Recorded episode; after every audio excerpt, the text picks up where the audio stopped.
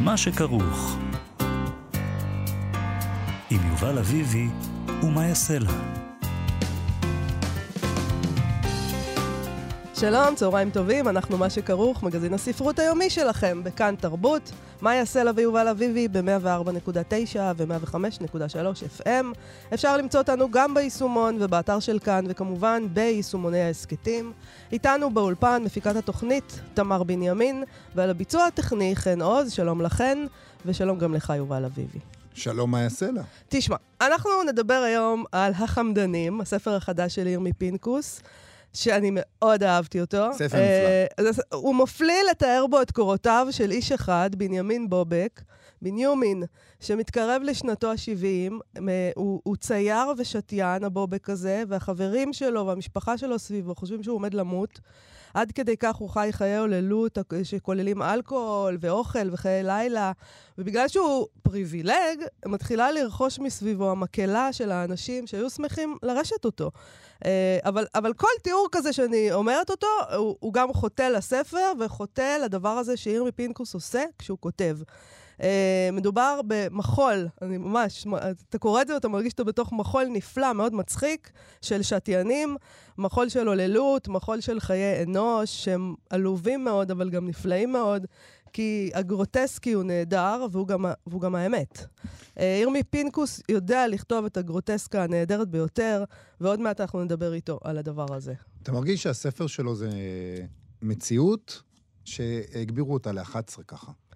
אני לא הרגשתי שהגבירו אותה ל-11, אני הרגשתי שהיא פשוט, הוא פשוט רואה אותה 6-6. אנחנו, אתה אולי רואה אותה 4, אבל הוא רואה 6. יכול להיות. זו אני, המציאות. יכול להיות uh, שזה המצב, ובכל מקרה זה ספר נהדר, והוא uh, גם מצחיק, אבל הוא גם uh, מאוד מאיר עיניים בקשר לכל מיני uh, דברים שמתחוללים בשכבות סוציו-אקונומיות מסוימות.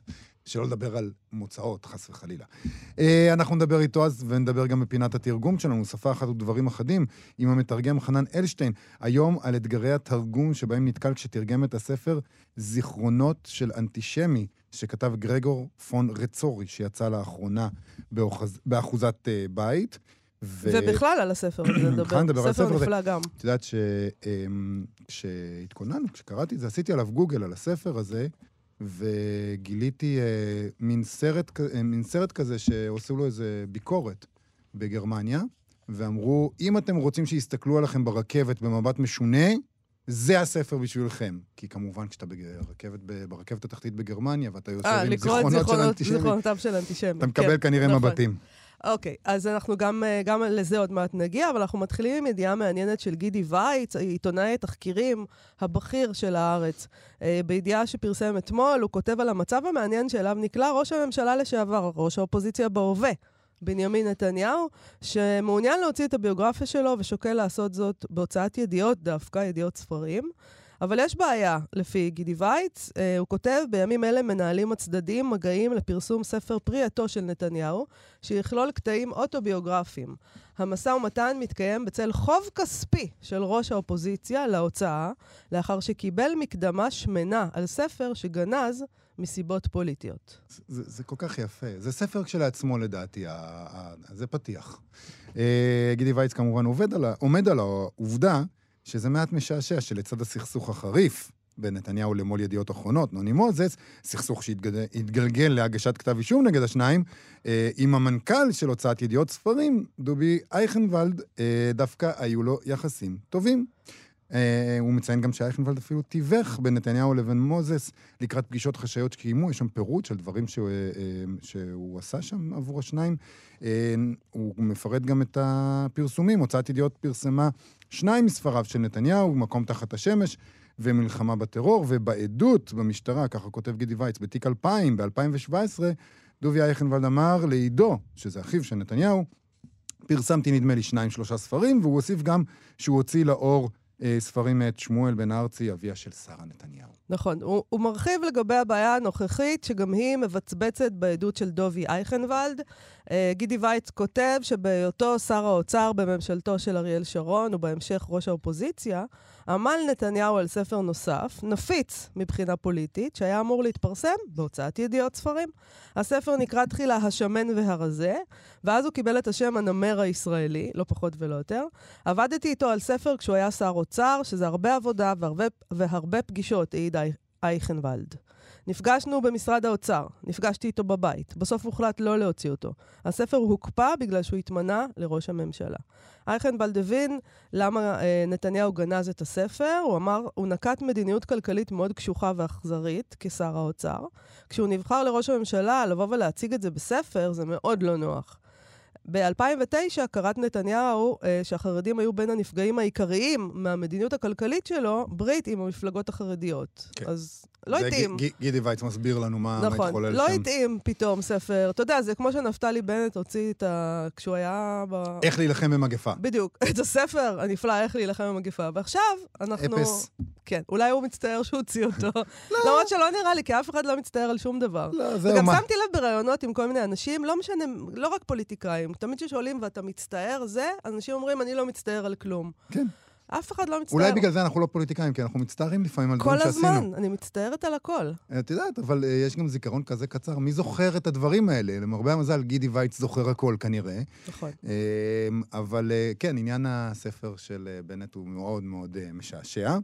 אמ, גידי וייץ מוסיף שלמרות שהספר של נתניהו לא יצא בסופו של דבר לאור, אייכנוולד סיפר לראש צוות החקירה בתיק 2000, סגן ניצב מומי משולם, שנתניהו קיבל על הספר מקדמה שלא החזיר. וואו, הוא לא החזיר? מדהים. זה לא, אוקיי, זה לא מעניין. מקובל. מעניין כמה כסף, או, מעניין או, מאוד. המו"ל העריך את שוויה בתוספת הצמדה והוצאות ב-140 אלף שקלים. מש- זה סטנדרטי, יובל, בשוק הספרים. זה, ככה מקבלים. אתם כולכם, אה, הסופרים והסופרות שמאזינים לנו, אתם כל הזמן מתלוננים שאין כסף, שלא משלמים. הנה הסופר בנימין נתניהו, הצליח איפה שאתם נכשלתם. ת, ת, ת, תעבדו על המקדמות שלכם, מה קורה? אה, אז הוא מספר שם בעדות שלו, אמרתי לו, אתה יודע מה? זה דובי אייכנוולד אומר. אתה יודע מה? תעשה לנו ביוגרפיה אחרי שתגמור. כלומר, אחרי שתסיים את אה, כהונתך כראש ממשלה. הוא הציע את זה לנתניהו, תהיה חייב לי את הספר הזה. נפגשתי איתו ואמרתי לו, תשמע, כל יום ראשון איזה חצי שעה, תכתוב את הרשמים שלך, זה מה שאמר אייכנוולד לנתניהו. תשרבט כל, ח- כל יום חצי שעה, מה יש תהיה לך? חייב לי. בין הצדדים לא נחתם חוזה רשמי. כי, אתה יודע, 140 אלף שקל אתה פשוט יכול לתת למישהו בלי, לח... בלי לכתוב כלום. וייץ מתאר בכתבה איך אה, אייכנבלד הבהיר למקורבי נתניהו שאם הדבר לא יצא לפועל, הוא ירצה את הכסף חזרה.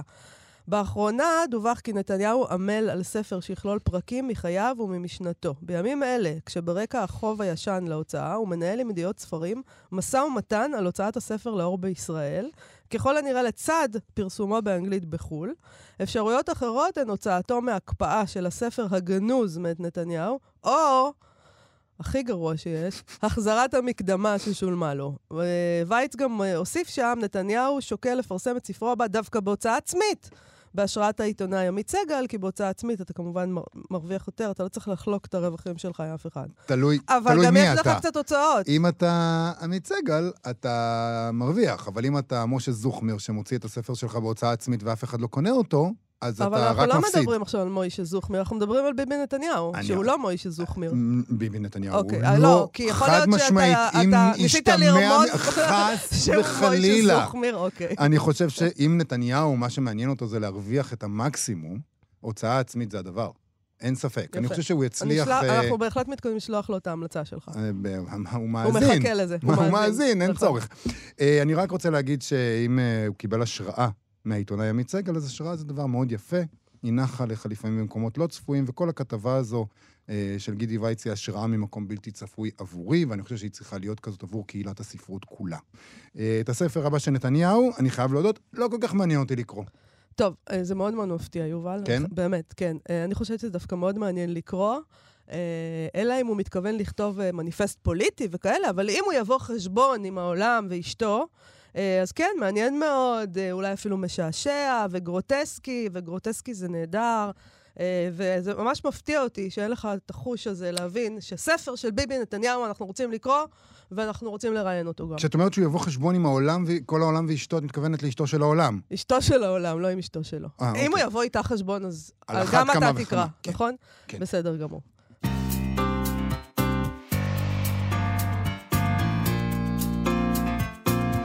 חזרנו עם החמדנים, ספר חדש ונפלא של ירמי פינקוס. אני, יובל, אני לא זוכרת מתי בפעם האחרונה קרה לי שצחקתי בקול רם מספר.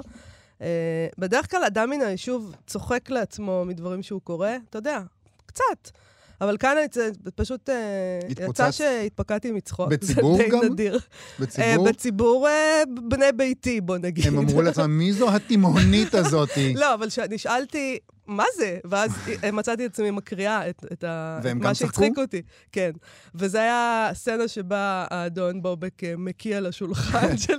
בפסח, אבל זה פשוט... הסצנה אחת מיני רבות, כן? הוא מקיא כל נכון, הספר. הוא מקיא כל הזמן. אוקיי, תשמע, לירמי פינקוס יש כישרון לתאר את ה... אמרתי את זה בפתיח, את התיאורים הגרוטסקיים ביותר, את חול... חולשות האנוש הגואליות ביותר, באיזה אופן אה, משעשע, משועשע ושתייני, אם אפשר לתאר את זה ככה. אה, במרכז הספר הזה, אני אגיד, עומד הצייר, השתיין בובק, שיש לו בעיות בריאות מסוימות. קיבתו מתהפכת לה, הוא מתעלל בה לא מעט, אה, סביבו מזמזמת כוורת של אנשים שהיו שמחים לרשת אותו. מדובר ברומן הרביעי של ירמי פינקוס. הרומן הראשון שלו, הקברט ההיסטורי של פרופסור פבריקנט, יצא בשנת 2008, זכה אז בפרס ספיר לספרי ביקורים לשנת 2009. סליחה. ומאז הוא לא מאכזב אותי. לא.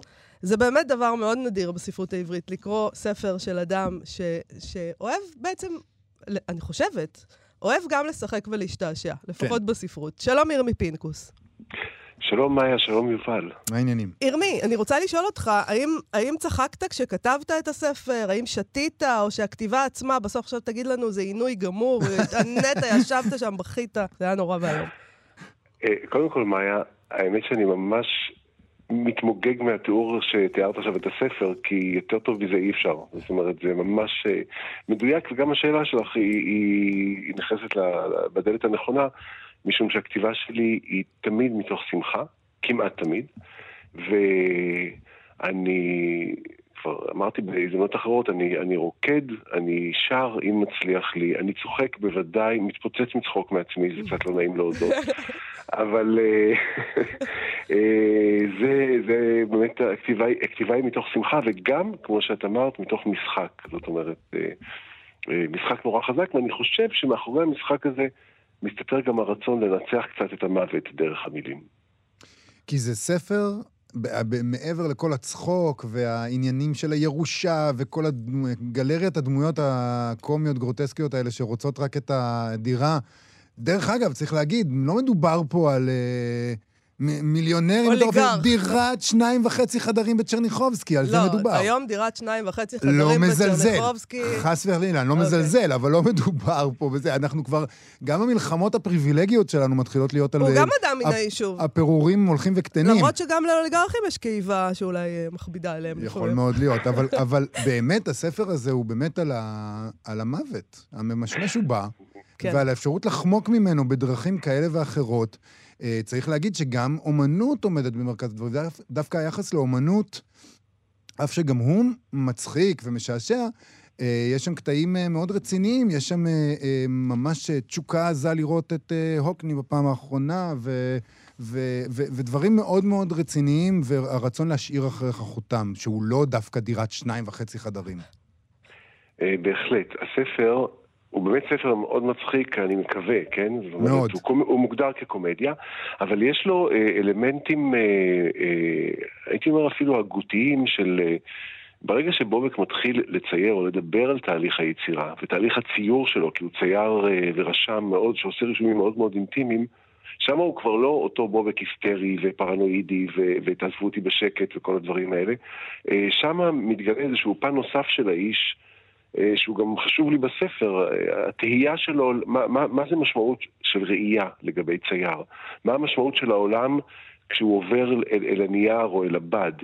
אה, איך, אה, איך הדבר הזה משקף איזשהו משהו על המהות של העולם או של החיים? ואלה דברים אה, רציניים, זאת אומרת... אה, ואני חושב שהפן שה, הזה, האינטימי של בובק, הוא, הוא למרות שהוא מצומצם יותר בספר, החשיבות שלו היא אדירה. ו- ומעבר לזה, סליחה שאני, אני מרגיש שאתם צחקתם ונהניתם, ואז אני באתי עם הכבדות שלי, אז אני מתנצל, אבל אני אמשיך בכל זאת, לא יפריע לי. אה, מעבר לזה, גם צריך להגיד שכל העניין הזה בכסף, שהוא מאוד מאוד גרוטסקי אולי מהצד של כל הסובבים אותו שרוצים אה, את הליטרת הבשר שלהם, הוא די סטוי בקשר לכסף שלו, הוא לא עושה מזה עניין, הוא מפזר אותו, הוא נותן כן. להם. לא כל כך אכפת לו מי יירש אותו, הוא רק מחפש מישהו שכבר, שיהיה רשום שזה הוא, ו- ו- ושהוא... שלא יציקו לו. ושהוא לא ימות לפניו. אה, כן, אני, אני יכול, זה, זה בדיוק מולי, אני הכנתי לי, למקרה שתבקשו ממני לקרוא משהו, אז אני הכנתי לי משפט, ולא ביקשתם, אבל זה בבקשה, זה. בבקשה, בבקשה, כן. והוא אומר, אה, הוא אומר, איזה ייאוש, הוא אומר, עוד עורכי דין, עוד מאבקים, עוד מלחמות, עוד שאיפות, עוד תוכניות גדולות. כולם מרעישים בתוף ללא הרף כדי לכסות על דממת העין שהולכת וקרבה אלינו בצעדים של חתול.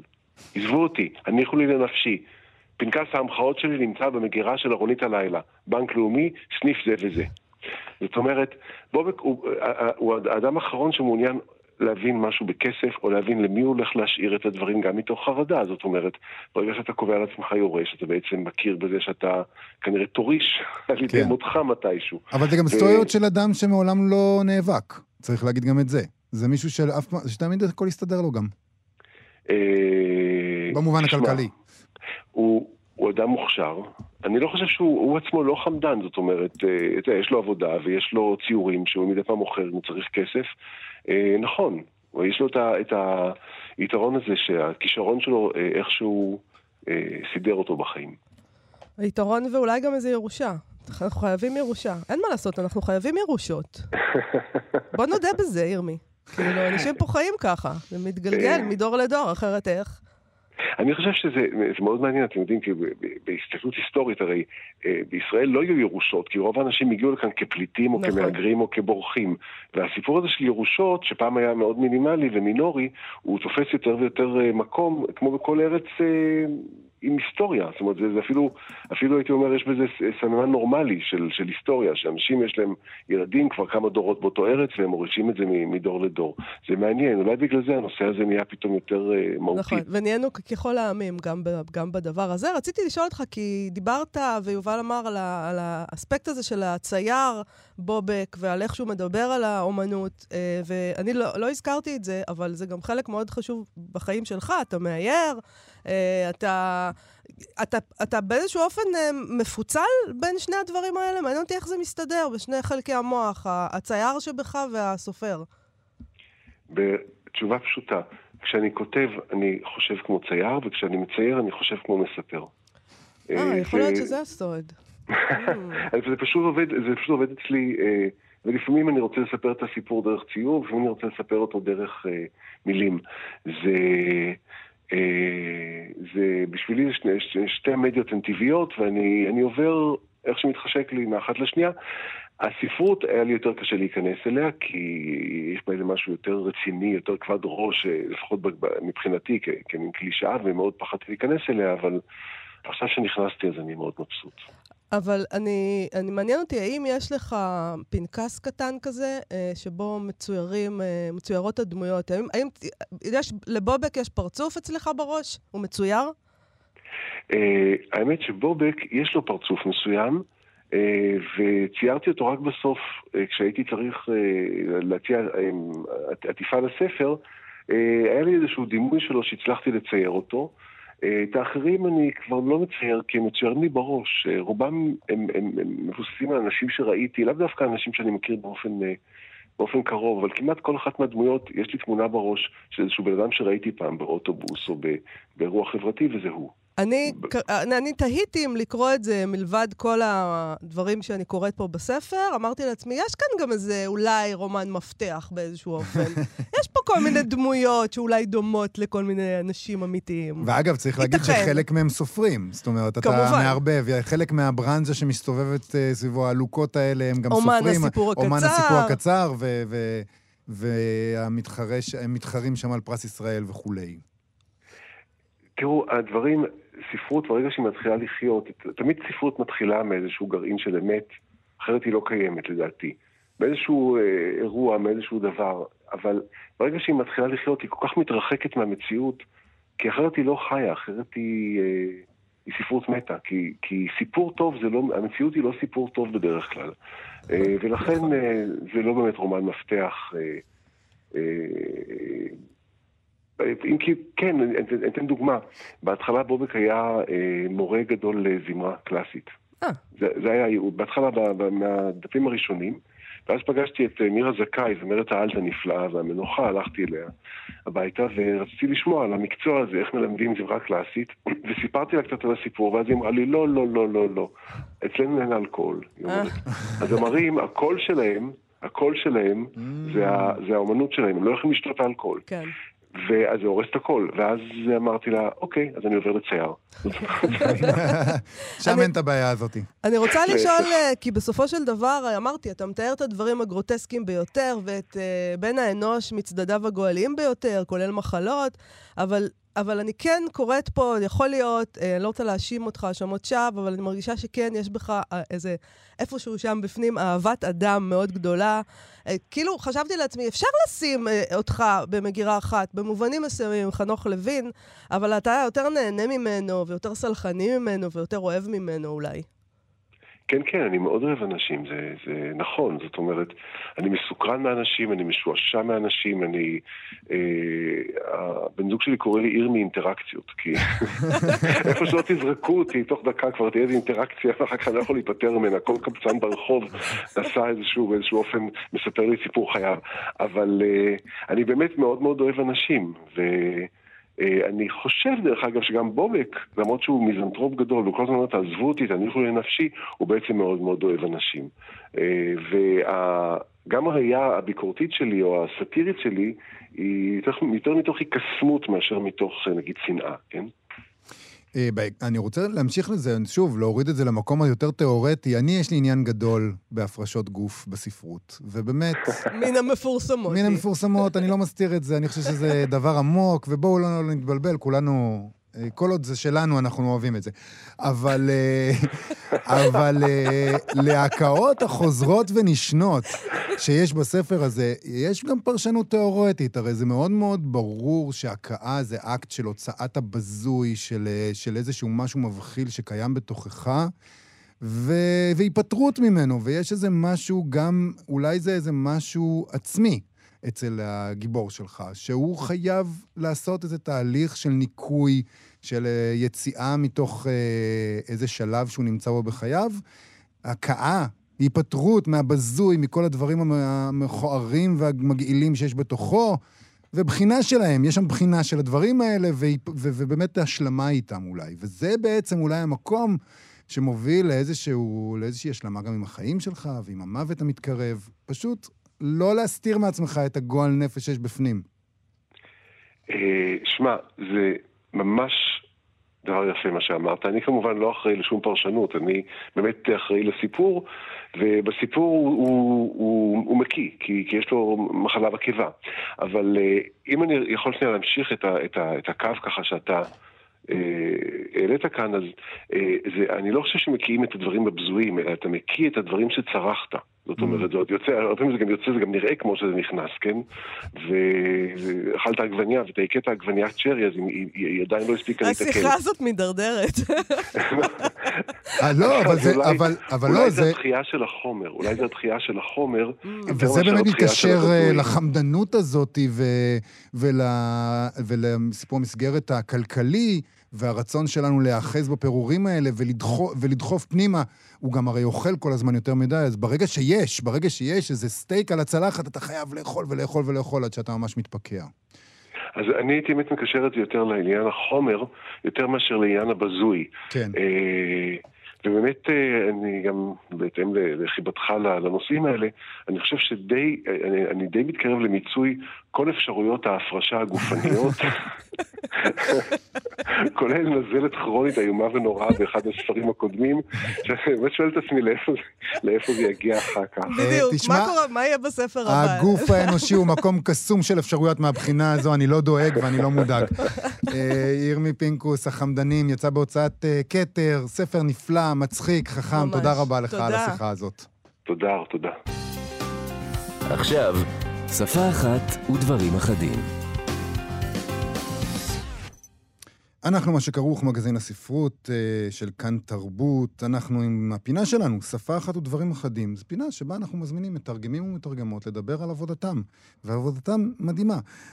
אנחנו נדבר היום על אתגרי תרגום עם מתרגם חנן אלשטיין, שתרגם כעת מגרמנית את הספר זיכרונות של אנטישמי, שכתב גרגור פון רצורי. אני רוצה לקרוא קטע.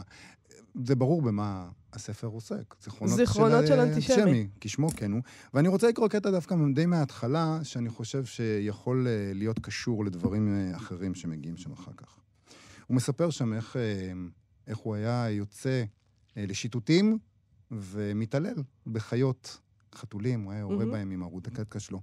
אז הוא כותב כך: היום כלבים וחתולים חיים זה עם זה בביתי בשלום, בשקט ובשלווה. אבל באותם זמנים החשבתי את העוינות ביניהם לחוק טבע. בהיותי אוהב כלבים, מובן מאליו שהייתי אויבם המושבע של החתולים. הייתי בנו של אדם שבעבורו הציד היה עולם ומלואו. ההכרח להשמיד את חיות הטרף היה בשבילי עובדה גמורה ומוכחת כמו הציווי הקטגורי למחנכים שלי. והרי לכל ידוע שהחתולים נמנים עם הגרועים בבעלי החיים המזיקים לשטחי ציד. אבל בכל הנוגע לעופות, העניין היה עוול מכוון. אקט של התרסה. דווקא כמי שחונך על ברכי הכללים החמורים ביותר של ההגינות הספורטיבית בציד, שאבתי סיפוק מכאיב מפעולתי כגנב עופות. בשמחה וברצון הפרתי את כללי הציד ההוגן, ובכך החתמתי במידת מה את שמו של אבי. שכן עם צרור העונשים המתוחכמים והמכאיבים שנועדו להחדיר לתודעתי את ההכרה בהתנהגותי הסוררת, נמנע למרבה הצער גם זה. האיסור להוסיף ולהתלוות אל אבי במסעות הציד שערך.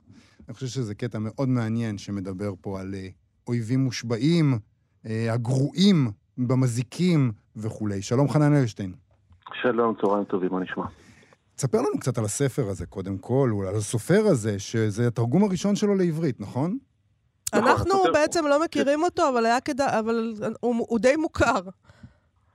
באיזה מובן הוא מוכר? שם. הוא מוכר שם. שם. זה לא, זה, זה קצת אה, חור בהשכלה שלנו. אה, חור אחד מיני רבים, יש לנו פחות השכלה מחורים במדינת ישראל. כן. אז לא לדבר אה, על התרבות הספרותית שלנו. אז בואו ננסה להשלים מעט את החור הזה. בבקשה. לכסות עליו.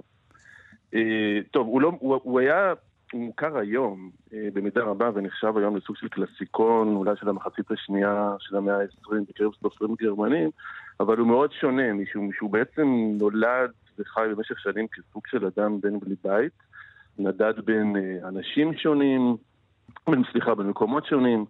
אה, הוא נולד כבן, כנצר למשפחה אריסטוקרטית שפחות או יותר ירדה מהנכסים, גם החומריים והרעיונים שלה בסוף מלחמת העולם הראשונה, עם התפרקות האימפריה האוסטרו-הונגרית. והוא גדל והתחנך באמת על ברכי האצולה הזאת, זו אצולה די שולית, באמת בשולי האימפריה. וכך הוא התגלגל במרוצת השנים. זאת אומרת, וגם הוא מספר על זה בספר, כי בספר יש מרכיבים אוטוביוגרפיים. והוא גם התגלגל לכתיבה. האיש הזה בעצם היה אציל, אריסטוקרט, נדד, היה באוסטריה, היה ברומניה, אה, היה קצת במקומות אחרים, הגיע לברלין, ומה שאנחנו יודעים עליו שהוא חי בברלין במרוצת מלחמת העולם השנייה, ושם הוא כתב את הספר הראשון שלו, אה, שזכה להצלחה גדולה, וכמובן שהספר הזה לא היה חתרני במיוחד. והוא נחשב להבטחה די אה, חשובה באותה תקופה, תחת שלטון הנאצים. זה לא היה ספר אה, שעודד או הכשיר את המשטר באיזשהו אופן, זה היה ספר רגיל שנכתב באותם שנים, ואז הוא פחות או יותר הפסיק לכתוב אחרי המלחמה. הוא עבד ברדיו וכתב תסכיתים, והוא הגיע לכתיבה ממש משום שמישהו פשוט לא עלה לשידור. Hmm. תנסו את זה פעם. ואז אולי תגלו סופר גדול. בתוכנו. כן, גם, גם. אז הוא עבד מאחורי הקלעים, הוא היה כותב תסכיתים וכל מיני דברים כאלה, והוא תמיד היה מספר סיפורים משעשעים ומומצאים ובדיוניים איזו עיירה שהוא בדה, ואז אמרו לו, יאללה, גרגור, אה, צריך למלא פה אגב חורים, עוד חור, אז uh, תעלה, תתחיל לספר. ואז הוא התחיל לספר, וכולם השתגעו על זה, וזה הפך להיות מאוד uh, אהוד, והוא סיפר סיפורים על מקום שנקרא מרובינגיה, שזה כמובן uh, מקום מומצא, uh, שוב בשולי האימפריה האוסטרו-הונגרית, ושם הוא שילב את כל הלאומים שהיו אופייניים לרב תרבותיות הכושלת של האימפריה האוסטרו-הונגרית, עם ההומור שהיה ייחודי לאותה תקופה, כולל יהודים וכן הלאה וכן הלאה, ואז הוא הפך להיות סופר. הוא הרבה שנים... בעצם נחשב לסופר יחסית אה, קל, פוחז, גם בגלל הצד האריסטוקרטי באישיותו, גם בגלל שהוא אחרי זה עבד הרבה מאוד בקולנוע, הוא גם שיחק בקולנוע, הוא גם כתב תסריטים לקולנוע, הוא גם היה מתהלך כאיש אצילי כזה, Mm. אה, אבל הוא התגלה דווקא באופן מעניין יותר באמריקה מאשר באירופה.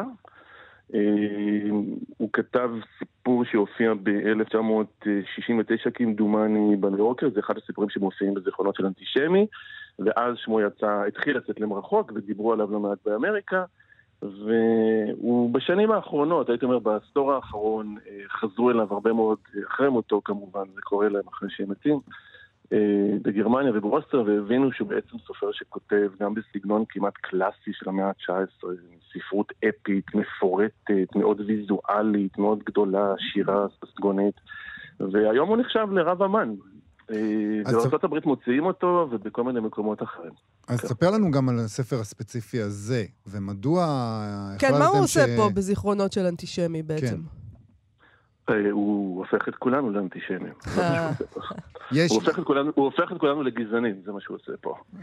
אני חושב שזה בא תראו. לנו טבעי, אבל כן. איך הוא- עושה את זה? מה, מה, מה. לא, הוא, עושה את זה בצורה פשוטה, זאת אומרת, הסיפור הוא סיפור שיש בו מרכיבים אוטוביוגרפיים, זה בוודאי. הוא עושה את זה באמצעות זה שיש מבנה קצת מתעתע, שמאפשר לנו במידה מסוימת להזדהות עם הדמות, במידה מסוימת לדחות את הדמות. והוא עושה את זה משום שהוא מספר השתלשלות היסטורית, כרונולוגית, אבל לא רציפה. והוא תמיד מספר בארבעת הפרקים הראשונים, יש חמישה פרקים, בארבעת הפרקים הראשונים הוא מספר לכל מנקודת הזמן של ההתרחשות. זאת אומרת, הוא משעה כליל את השיפוט המוסרי אה, במה שקורה באירועים של הגיבור. והגיבור מסתובב פה, מסתובב שם, הוא אדם צעיר, הוא ילד, אחרי זה הוא בוגר, אחרי זה הוא נהיה אדם מבוגר יותר, וכל החיים שלו רצופי מפגשים עם יהודים והרבה מאוד יהודיות, גם הרבה מאוד אה, מפגשים מיניים, חלקם מזדמנים מזדמנים וחלקם לא, וכל היחסים שלו עם היהודים מהולים אה, בעצם בחוויה כפולה של משיכה עצומה כמעט אובססיבית ודחייה עצומה כמעט אובססיבית לא פחות. ומאחר שאנחנו מקבלים בעצם חדירה מאוד עמוקה לאופן אה, הפעולה הנפשי שלו ביחס ליהודים, ולקלות, לקלות שבה הוא משמיע הערות אנטישמיות וחושב באמרות, אבל גם נמשך אליהם, אז אנחנו מקבלים פורטרט פסיכולוגי די מעניין של נפש גזענית. עכשיו, הוא עצמו לא אנטישמי במובן הקלאסי, הוא גדל בבית גידול קלאסי. המשפחה שלו אה, הייתה אנטישמית מאוד. אה, השושלת שלו אנטישמית, המעמד שלו אנטישמית, המעמד האריסטוקרטי הבינוני, זו אנטישמיות קלאסית מסוימת, תצורה מסוימת של אנטישמיות קלאסית מצ- מסוימת באירופה. ומאחר שהוא גם מעניין וגם מצחיק לפרקים, וגם מחריד לפרקים. אז הדמות שלו, שהיא דמות עגולה מאוד, מפורטת מאוד, היא כובשת אותנו, וזה גם בזכות האיכות הספרותית. הוא סופר אה, מצוין, אני חייב לומר, אה, גרגור פונרצון, תגלית גדולה מבחינתי. ואני מצאתי את עצמי, למרות התחייה הטבעית שגם נשקפת אלינו מעטיפת הספר, זה, זה שם די מרתיע, כותרת מרתיעה, זיכרונות של אנטישמיות. וגם הדמות שנבחרה לפאר את הכריכה, זה מין דמות כזאת כן. שכולנו מיד חושבים שאנחנו, כמוה אנחנו לא נראים. וואו, זו כריכה מצוינת. נכון. אני להפך, אתה- זה ישר אמרתי, וואו, זיכרונות של אנטישמים. אבל כן, אני רוצה את זה. מצויר פה אדם שנראה מאוד מאוד ארי. אתה אנטישמי. אומר, אה, אתה אומר, אם היו שמים אותי לידו, ישר היו יודעים מי לש- מי ימינה ומי שמאלה, כן? נכון, נכון. אבל... אתה בטוח? אבל, אה, אבל אה, אני רוצה לשאול אותך, בהמשך כן. נגיד לקטע שאני קראתי בהתחלה, כן. יש משהו שמדבר על חוקי הטבע, על דברים טבעיים, גם במה שאתה מספר לנו, על איך שדברים מתנהלים. זה, זה לא אה, אנטיש... זה אנטישמיות כלאחר יד כזאת, זה אנטישמיות של, אה, של ככה זה. זה הטבע, ככה אנחנו, ככה גידלו אותנו, זה מאוד מאוד טבעי, ולכן אולי קל לנו לראות הרבה פעמים גם את עצמנו, כי כשאם אנחנו מסתכלים במראה בצורה אה, לא, לא מזויפת, אנחנו יודעים שאנחנו, יש לנו כל מיני הנחות על כל מיני אנשים מכל מיני גזעים, בגלל שאנחנו גדלנו איך שגדלנו ואיפה שגדלנו. אה, טוב, זה דיון מורכב, שכמובן יכול לגלוש למחוזות פוליטיים, ואולי גם לעורר תרעומת בקרב 95% מהציבור הישראלי. אה, אנחנו לא מסתכלים הרבה במראה. בוא לא. נצא- לא. בוא נגיד שאם אנחנו מסתכלים במראה זה בעיקר כדי למדוד את נעלי הנייק החדשות ולראות אם זה תואם את המכנסיים שקנינו ולראות אם אנחנו, איזה גלידה נזמין ב- ביום הזה. אה, תרבות הזלילה ותרבות הצריכה לא מאפשרת לנו להסתכל הרבה במראה. אה, אבל זה נכון, לגוף השאלה, שהאנטישמיות כאן מוצגת כמשהו מאוד מאוד קלאסי לבית שבו הוא גדל, ואכן האנטישמיות הייתה חלק אחד, אולי לא חשוב ביותר, אבל חלק מכונן מה-DNA של הרבה מאוד אירופים. במרוצת מאות שנים. והעקירה של בכלל גזענות, תופעה, תופעת הגזענות, לא רק מליבם של אירופים, אלא גם מליבנו, זה דבר מאוד מאוד מסובך. אה, זה נכון, זה דבר די טבעי. אני חושב שכולנו מספרים לעצמנו מדי פעם סיפורים, כולנו מדי פעם צוחקים על ערבים, כולנו נהנים לשנוא פלסטינים חדשות לבקרים, ודאי כשיש עימות כזה או אחר, וכולנו גם עיוורים, לא רק לעצמנו, עיוורים למציאות. אנחנו גם חיים, הרי- אנחנו מוקפים חומה. החומה שאנחנו מוקפים בה זו אותה חומה שמקיפה את הפלסטינים, נכון? נכון. אז החומה הזאת גם מקיפה את ליבנו, בוא נגיד את האמת. והיא הופכת את המציאות שיש צד טבעי, כנראה, באנושות, של העדפה, שמתגלגלת לכלל אה, גזענות, היא עוטפת את הצד הזה, היא מכשירה את הצד הזה, היא מאפשרת לצד הזה להתקיים. זה המקום שבו אין לנו מראות, אבל כן, אנחנו תחרותיים, ואנחנו גם מרושעים, ואנחנו גם רעים, ואנחנו, כן, אנחנו גם גזענים. מאוד. אנחנו צריכים לסיים עוד מעט, אבל אני רוצה לשאול אותך, בפינה הזאת אנחנו מדברים עם מתרגמים ומתרגמות לא רק על ספרים ספציפיים, אלא על בכלל. וכיוון כן. שאנחנו עוסקים בסוג... סליחה, אנחנו עוסקים בסוגיות האלה, ואתה מתרגם מגרמנית, אני רוצה לשאול אותך באופן כללי. כן. האם עדיין אה, לתרגם מגרמנית לעברית זה משהו אחר? האם יש כל מיני תמרורי אזהרה שניצבים, שאתה נתקל בהם? האם אתה... האם השפה הזאת היא עדיין משהו אחר בשבילנו, או שאתה אומר לעצמך, עכשיו כבר כשאני מתרגם את זה, זה, זה בעצם עוד שפה אחת מיני רבות שצריך לתרגם ממנה לעברית? אני חושב שהשאלה שלך היא שאלה מצוינת במקום שמתקיים אחרת. אני חושב שהיום במציאות ה... של המו"לות הישראלית ובמה שנשאר ממה שקוראים לו השדה הספרותי הישראלי, שכבר אין שדה, סדרה כזאת של חברויות ואינטרסים ואין ממש שיח ואין ממש דיון, השאלות האלה הן שאלות עמוקות מכדי שאפשר יהיה לענות עליהן. בנסיבות נורמליות, לא בטוב שבעולמות האפשריים, אלא בעולם שהוא סביר, הייתה צריכה להיות חשיבות מאוד גדולה עדיין לתרגום מגרמנית, גם של דברים חדשים וגם של ספרים עיוניים, משום שבכל זאת זו אחת המדינות היחידות שהמציאה ספרות, בכלל תרבות שמתמודדת עם עבר מאוד בעייתי, ואנחנו מתמודדים עם מציאות הובית מאוד בעייתית, שאולי בעתיד נתמודד. יש הרבה מה ללמוד מהם, ויש דברים אחרים שהיה צריך להרחיב אה, מגרמנית. למשל, לשנות את התפיסה שהספרות הגרמנית היא ספרות מאוד כבדה ומכבידה וקשה ומסורבלת, כי היא פשוט לא כזאת, היא ספרות מאוד מאוד מצחיקה ומאוד מאוד שובבה. ואני חושב שמה שמייחד את הספרות הגרמנית, למשל לעומת הספרות האמריקאית שאני די מתמצא בה, זה העיסוק בשפה כיסוד מכונן של אמנות הכתיבה. אין כמעט מקום בעולם שהעיסוק בשפה הוא כל כך עמוק. הש... אגב, בין השאר בגלל מה שהתחולל בהיסטוריה הגרמנית, משום שנאלצו לדון בשאלות של איך מקוממים את העולם התודעתי והקוגניטיבי מחדש בשפה שהיא אפשרה רצחנות מן הסוג הזה. והם עד היום עוסקים בזה, והספרות הזאת היא מדהימה. זה, אה, זה גורם ל, לבעיות בתרגום? שכשיש דיון כזה מורכב בשפה, ב, לא. להעביר את זה למקום שאולי הדיון בשפה בו הוא פחות מורכב או פחות זהיר?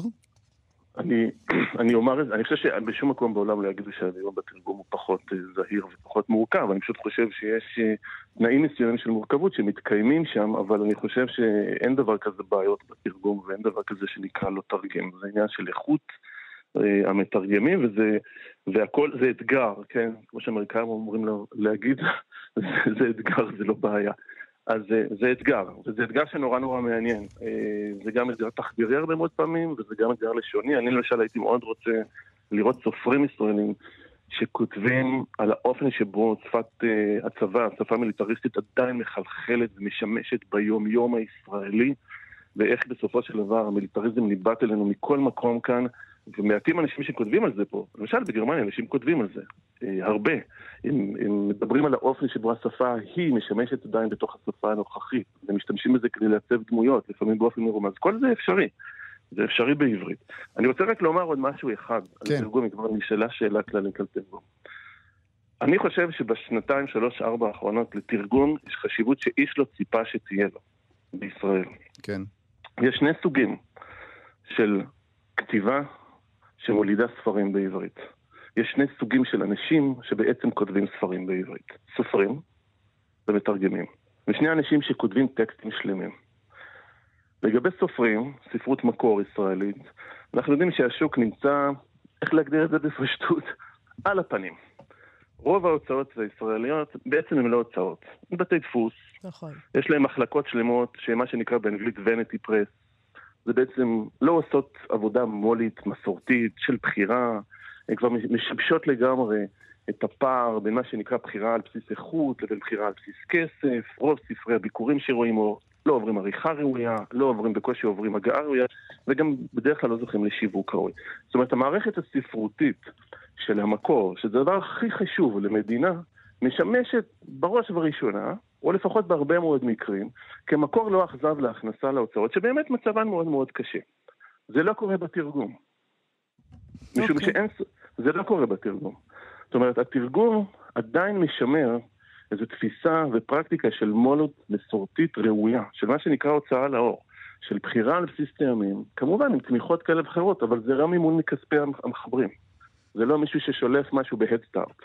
זה לא מישהו שכל כך רוצה להוציא ספר בישראל הקטנה, ומוכן לקחת את אה, מעט הכסף שיש לו בצד, וגם שלא יערכו אותו. ואולי לכן הקהל אה, הקוראים מצביע ברגליים, ובאמת קונה, לא, לא כך אה, קונה ספרות ישראלית ומעדיף ספרות מתורגמת, כי אני הוא חושב- מרגיש משהו מהדבר הזה שאתה מדבר עליו, אה, הוא מרגיש שהוא הוא יכול יותר לסמוך על ההוצאות בעניין הזה, אה, אבל זו סוגיה מאוד גדולה שאני אשמח להמשיך אה, נכון. אני- אני ולדבר אגיד- איתך עליה רק- בהמשך. הקהל, הקהל קיבל בעשור האחרון כל כך הרבה אה, עגבניות רקובות וביצים סמוכות בצורת ספרים, ספרי מקור ישראלים, שכן, הוא מרגיש את זה יותר.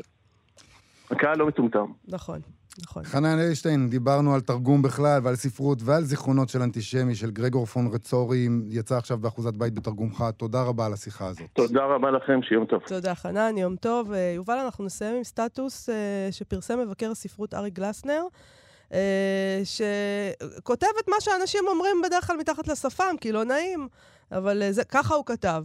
האם זה נראה למישהו סביר שבתרבות וספרות של הארץ כותב אייל מגד ביקורת מהללת על סלין אסייג, משווה אותה שם לקאמי ולפרנטה, לא פחות, בעוד בהיותה של סלין, אסייג, העורכת של ספרות המקור בהוצאת ידיעות אחרונות, היא ערכה את ספרו האחרון. והאם נראה למישהו הגיוני שרות אלמוג תהלל באותו מוסף את תרגומו של בני ציפר להויסמנס? היא לא יודעת מי אחראי יותר להנאתה מנגד הזרם, זה הספר של הויסמנס, שדיברנו עליו פה mm-hmm. עם. בני ציפר. ציפר הוא הקלאסיקון הצרפתי, כלומר, היא כותבת שם שהיא לא יודעת מי, מי, מי יותר אחראי להנאה, הסופר או המתרגם, כן? מהמם. אה, בעוד אותו בני ציפר הוא העורך של המוסף בו היא כותבת, אני מכבד את כל השמות הנ"ל, אבל ביקורת ספרות היא לא גירוד גבים הדדי. היא לא חוכא ואטלולא. במיוחד לא אטלולא, אגב. בקיצור, זה לא לעניין, לפחות צריך היה להופיע גילוי נאות. כך ארי גלסנר, מבקר הספרות. נכון. ודוקטור שירה סתיו, שהיא משוררת ומבקרת וחוקרת ספרות, משיבה לו שם, זה לא צריך לקרות וזהו. וזה קורה הרבה יותר מדי פעמים, וזה חלק ממה שדרדר את התחום כולו, עד כדי סופרים ומשוררים שמרגישים חופשי לפנות לידידיהם, לידיהם, ידידיהם, ולבקש במחילה שיואילו לכתוב עליהם. טוב, זה באמת אה, שני מקרים קיצוניים, וכל הכבוד לארי גלסנר ששם על זה זרקור. זה מסוג הדברים שרבים יודעים בעולם הספרות שקורה, ופשוט זה אולי כמו הערות למפעל הפיס שמתנהל בצורה תמוהה עם פרס ספיר. אתה, רוצה ל... אתה לא רוצה להזיז דברים אה, ושיקשרו אתה לא אותך עם רוצה ביקורת. שיפגעו בך, כן. כן, אז אנשים מפחדים. לכאורה, לכאורה הכל. אה, כולם גם רוצים, אה, לא יודעת אם כולם, אבל רבים רוצים גם לפרסם אצל בני ציפר. לא בני ציפר הוא שם בתרבות ובספרות, והוא כנראה מרגיש מאוד בנוח לעשות... מה זה, הוא שם? הוא העורך. כן. הוא, הוא שם והוא, כן, הוא... כן. הוא תרבות וספרות. נכון. הוא, הוא. והוא כן. מרגיש בנוח לעשות את מה שמתחשק לו, גם אם כולם רואים, כי העניין הוא שיש רבים שלא רואים, וגם מי שרואה שותק. ויכול להיות שקורא מן השורה לא מודע לכל הדברים האלה, והוא חושב שבטוח יש אתיקה בסיסית או בושה, בכל זאת, קצת, אבל לא תמיד יש. אז הנה, לתשומת לב הקוראים בזכות ארי גלסנר. טוב, אז uh, אני, uh, אנחנו הלכנו לבקש תגובה מעורך תרבות וספרות בני ציפר, כמובן, uh, בכל זאת. Uh, והנה, זה מה שהוא שלח לנו. Uh, הוא כותב כך, במקרה של אייל מגד, שכתב על מי שעורכת את ספרו, זה צמח, הביקורת, צמחה משיחה שהייתה בינינו, שבו הוא התלהב עד אין קץ מהספר שלה, וניסה לשכנע אותי באותות ובמופתים שזו יצירת מופת, ואמרתי בליבי שספק אם אמצא מבקר שיביא לי תובנות כל כך מעניינות, וזה שכנע אותי לפרסם את דבריו. כלומר, ההתלהבות האותנטית שלו כבשה את ליבי, ולא הרגשתי בשום אינטרס מצידו, מה גם שאני מכיר אותו היטב ויודע שהוא אינו אדם שמחפש למצוא חן בעיני אף אחד. Uh, במקרה, הוא ממשיך, במקרה של רות אלמוג, ששיבחה את תרגומי, ידענו שנינו שזה יעורר תהיות, אבל כמו במקרה הקודם, אני חושב שמה שקובע הוא תום הלב. רות אלמוג באמת שלא עשתה זאת כדי להתחנף אליי, אנחנו חברים כל כך הרבה שנים שאנחנו לא צריכים את זה. היא פשוט רצתה להעביר משהו שהיא התלהבה ממנו באמת. אה, אוקיי, עד כאן התגובה של בני ציפר. אני רק יכולה להגיד, ההערה לא... הספר של סלינה סייג הוא באמת ספר נפלא. זה לא והספר קשור. הזה, שבני ציפר של אויסמנס, אה, אה, הוא תרגם אותו, הוא באמת, נכון. באמת נפלאים. אנחנו בזמן אמת דיברנו עם ציפר, נכון. ושיבחנו את תרגומו גם כן. נכון. אנחנו לא, זה, זה לא הנושא. אבל אם הוא מדבר על תום לב, אז יש עוד דבר שנקרא, אפילו אם זה בתום לב, יש משהו שנקרא מראית עין. וגם זה צריך להיות שיקול. אפילו אם עשיתם הכל טהור, טהור, טהור.